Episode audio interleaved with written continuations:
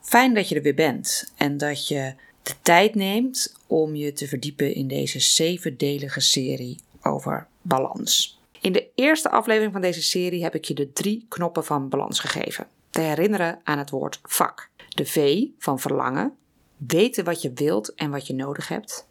De A van aandacht, of je je bewust bent of je leeft zoals je dat graag wilt. En de K van kwaliteiten. Heb je de capaciteiten die je nodig hebt om dat ideale leven te leiden en te corrigeren als dat niet zo is? In deze aflevering gaan we in op de tweede knop, de knop van aandacht. Ik vind het zelf een super intrigerend onderwerp, omdat we namelijk denken dat wij als mens hele bewuste wezens zijn, maar dat dat dus in de praktijk niet zo is. Wetenschappers beweren namelijk dat 95% van ons gedrag onbewust is. 95% is toch echt bizar veel. En je eerste reactie is wellicht ook, nou, bij mij niet hoor. Ik, bij mij is dat echt een stuk lager. Maar ik nodig je uit om er eens over na te denken. Een makkelijk voorbeeld, fietsen. Doe je dat bewust? Denk jij bewust na bij elke trap die je zet? Nou, ik kan het me niet indenken. toen je als kind wilde leren fietsen wel, maar nu doen we dat automatisch.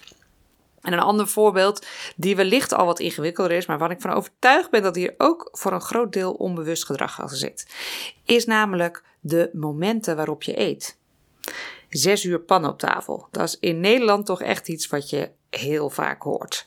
Maar is dat ook echt het moment waarop je honger hebt? Of eet je uit automatisme? Of creëert zelfs je maag een automatische, een automatische reactie op basis van de klok? Je ziet dat het 6 uur is en bam, honger. Het Pavlov-effect. Of als je het niet kent, even een korte toelichting. Pavlov was een onderzoeker die ontdekte dat hij honden kon conditioneren. Hij zag dat honden al begonnen te kwijlen als honden de brokken in het pak hoorden rammelen. En wat hij op dat moment deed was een experiment waarin hij niet alleen de brokken liet rammelen, maar ook een belletje liet rinkelen.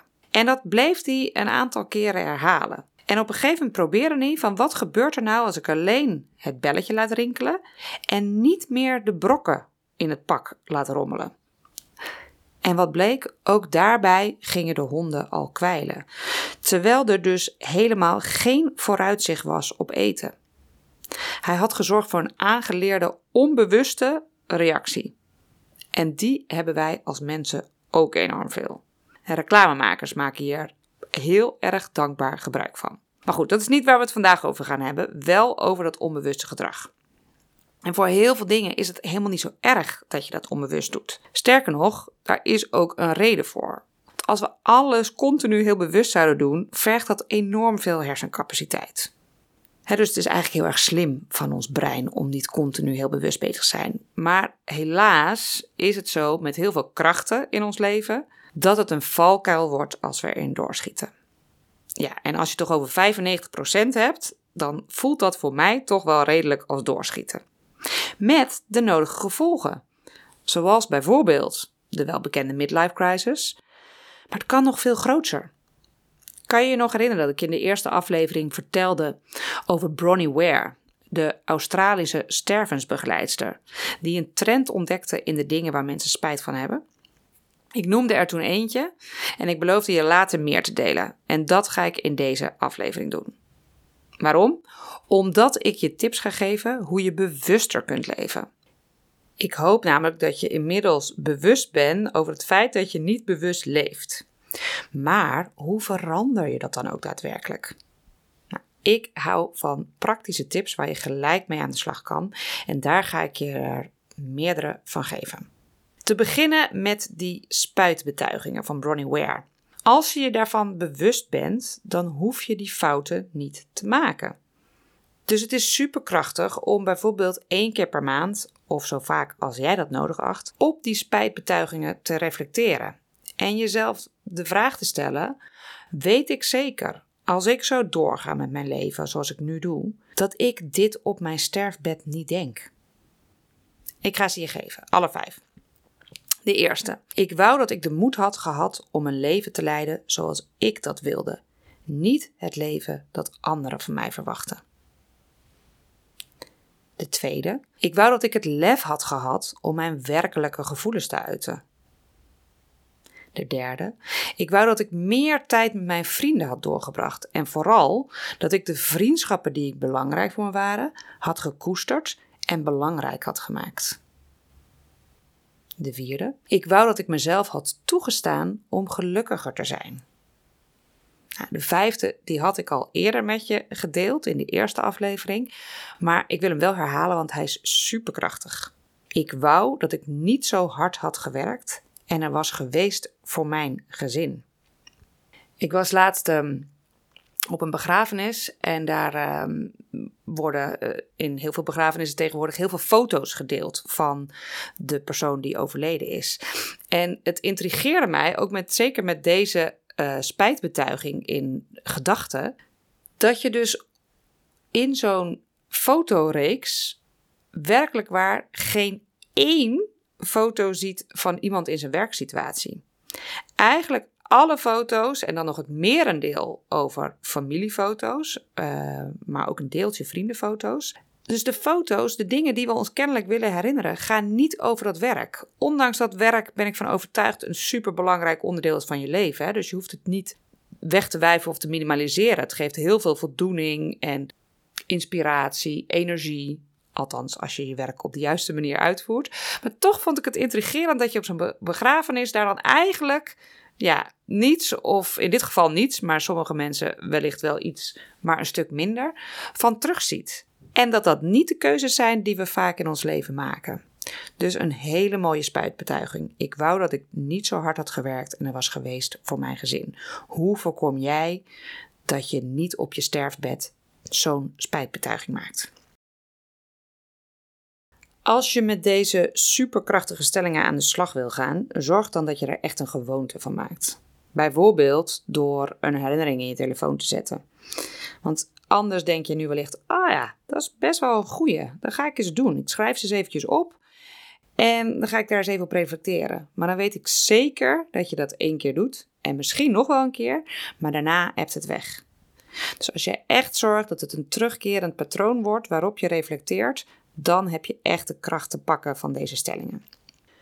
Een andere tip die ik voor je heb, die kreeg ik via de directeur van AstraZeneca, die ik ontmoette tijdens een talkshow over balans voor werkende ouders. Hij heeft zelf vier kinderen en als directeur vermoedelijk een drukke baan. En hij vindt het heel belangrijk om bewust te blijven. En de tip die hij daarvoor gaf, was dat hij zichzelf elke maand een cijfer geeft of niet zozeer zichzelf, maar dat hij de maand een cijfer geeft. Dus hij pakt een momentje om te overdenken wat er allemaal in die maand is gebeurd en geeft daarna het cijfer. En hij zei: Als ik mezelf lager geef dan een 8, dan ga ik bewust op onderzoek uit. Wat is er gebeurd deze periode, waardoor ik het een lager cijfer geef? En als daar een hele aantoonbare reden voor is, bijvoorbeeld als een dierbaar persoon bijvoorbeeld overlijdt, dan is dat op dat moment zo. Maar als hij geen aantoonbare reden heeft en toch zegt: ja, voor mijn gevoel was deze maand een 7, dan gaat hij op onderzoek uit en gaat hij bewust aan de slag. Interessante tip vond ik zelf. In de tweede aflevering van deze serie tipte ik je om met je persoonlijke waarden aan de slag te gaan. Om die in kaart te brengen en daar ook daadwerkelijk naar te leven. En die waarden, als je dat hebt gedaan, is dat een hele mooie om maandelijks op te reflecteren. En ook die kan je natuurlijk een cijfer geven. Komen deze waarden, dus jouw persoonlijke drijfveren, komen die voldoende aan bod op de manier waarop je op dat moment leeft? En zo nee, dan merk je dat aan je energie en aan je geluksniveau en dus is het belangrijk om te corrigeren. Via een interview dat ik had met Florine Nijs, uh, destijds toen ik haar interviewde was zij HR-directeur van KPMG en is dit interview ook via dit platform te beluisteren, zei ze me dat zij zichzelf heeft aangeleerd om regelmatig te checken of ze de vogels nog hoort fluiten. En het klinkt heel simpel en zo simpel kan het dus soms zijn. We hoeven het ook niet ingewikkelder te maken dan het is. Voor haar is dit een methode om te checken of ze niet veel te druk is. Sta ik nog stil bij de kleine dingen en de mooie dingen die het leven te bieden heeft?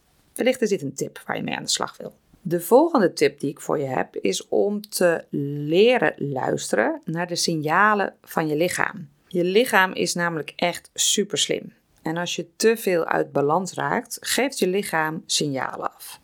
Superkrachtig en eigenlijk, als we het hebben over simpele tips, misschien ook wel heel simpel. Alleen negeren de meeste mensen die signalen. En vervolgens, wat doet je lichaam? Het wordt van kwaad tot erger. Je lichaam wil namelijk niet genegeerd worden. En neem als voorbeeld een burn-out. Een burn-out komt echt niet uit de lucht vallen. Je lichaam heeft je eerst tig van signalen gegeven. Maar wat doen we? We negeren, we negeren, negeren. En uiteindelijk zegt je lichaam: nu is het genoeg. Maar leer je te luisteren naar die, naar die signalen en corrigeer je tijdig, dan is het superkrachtig. En de signalen die je lichaam geeft, die zijn persoonlijk. Waar de ene slecht gaat slapen, krijgt de ander misschien last van obstipatie.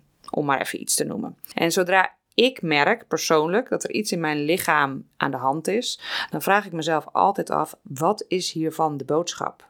Waar is de disbalans in mijn leven en waar dien ik op te corrigeren? De volgende tip die ik voor je heb is om te leren luisteren naar de signalen van je lichaam. Je lichaam is namelijk echt super slim. En als je te veel uit balans raakt, geeft je lichaam signalen af.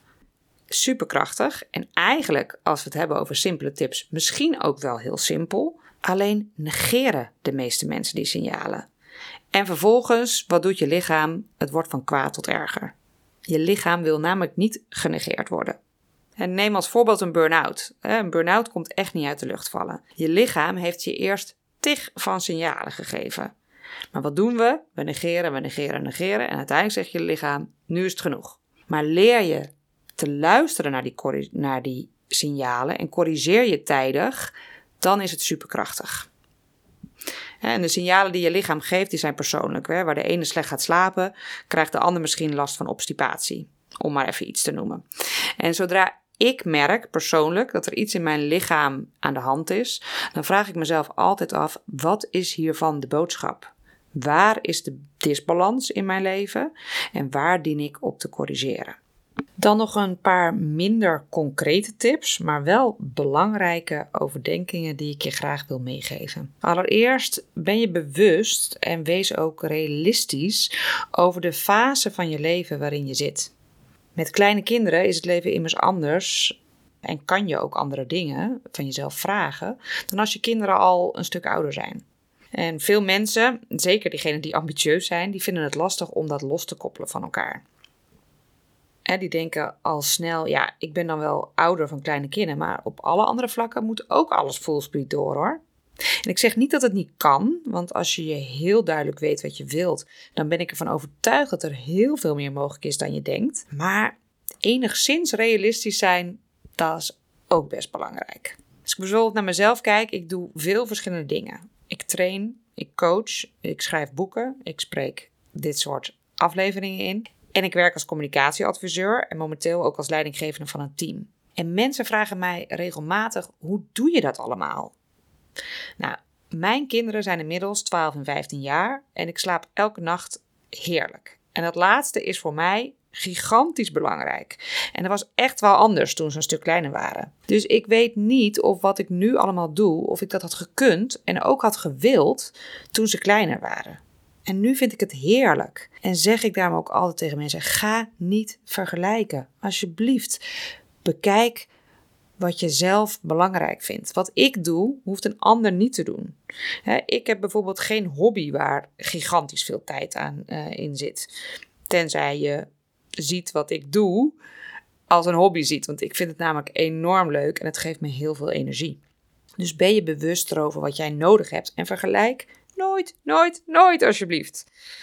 waar de ene bijvoorbeeld met zes uur slaap af kan, heeft de ander acht uur nodig. En die ene heeft al twee uur meer per dag. Dan is er een stuk meer mogelijk. Maar allebei is prima. Het is wat het is en leef vooral het leven wat bij jou past. En tot slot realiseer je dat als je ja zegt tegen het ene, dat je automatisch nee zegt tegen iets anders. Als ik coach, dan hoor ik namelijk heel vaak mensen zeggen: Ik ben niet goed in nee zeggen. Waarop ik altijd reageer: Oh ja, dan ben je heel goed. Je kan heel goed nee zeggen. Alleen zeg je het voor jouw gevoel tegen de verkeerde dingen. Zeg je bijvoorbeeld ja tegen een extra opdracht op je werk, dan zeg je daarmee nee tegen iets anders. Bijvoorbeeld je kinderen, je partner of jezelf. En andersom dus ook. Hè? Dus zeg je ja omdat je op eh, de school van je kinderen wil helpen tijdens een sportdag, dan zeg je nee tegen iets anders. En het bewustzijn dat je tegen iets anders nee zegt, zorgt ervoor dat je stil kunt staan waar dat tegen is, waar je nee tegen zegt, en je dus een bewustere afweging kunt maken. Dit waren mijn tips om met aandacht te zorgen voor meer balans in jouw leven. Met mijn bedrijf Succesvol Balanceren train ik coach ik in de breedste zin van het woord in balans. dus ook bijvoorbeeld is een team in balans. Ik ben er namelijk van overtuigd dat medewerkers in balans gelukkiger zijn. En dat zou nou precies bovenaan moeten staan van elke organisatie. Waarom? Omdat gelukkige medewerkers tot 50% minder vaak ziek zijn, 9 keer zo loyaal aan hun werkgever en tot 12% productiever. Kortom, onze trainingen zijn geen kostenpost, maar een investering. Ze verdienen zichzelf terug. Kijk op www.succesvolbalanceren.nl wat we voor jou kunnen betekenen. Of mail me op info.succesvolbalanceren.nl als je een kennismakingsafspraak wil inplannen. Uiteraard geheel verblijvend om te bekijken wat we voor jou of jouw bedrijf kunnen betekenen. Ik wil je enorm bedanken voor het luisteren en ik nodig je uit voor de volgende aflevering. Daarin gaan we aan de slag met de laatste knop van het vak balans. De kwaliteiten die je nodig hebt. Want je kan het allemaal nog zo goed weten en er heel erg bewust over zijn, maar als het je niet lukt om in actie te komen, dan schiet je er niet zoveel mee op. Sterker nog, dan levert het enkel frustratie op. Voor die kwaliteiten ga ik je weer een mooie aflevering met veel tips geven. Een hele fijne dag verder voor nu en tot snel.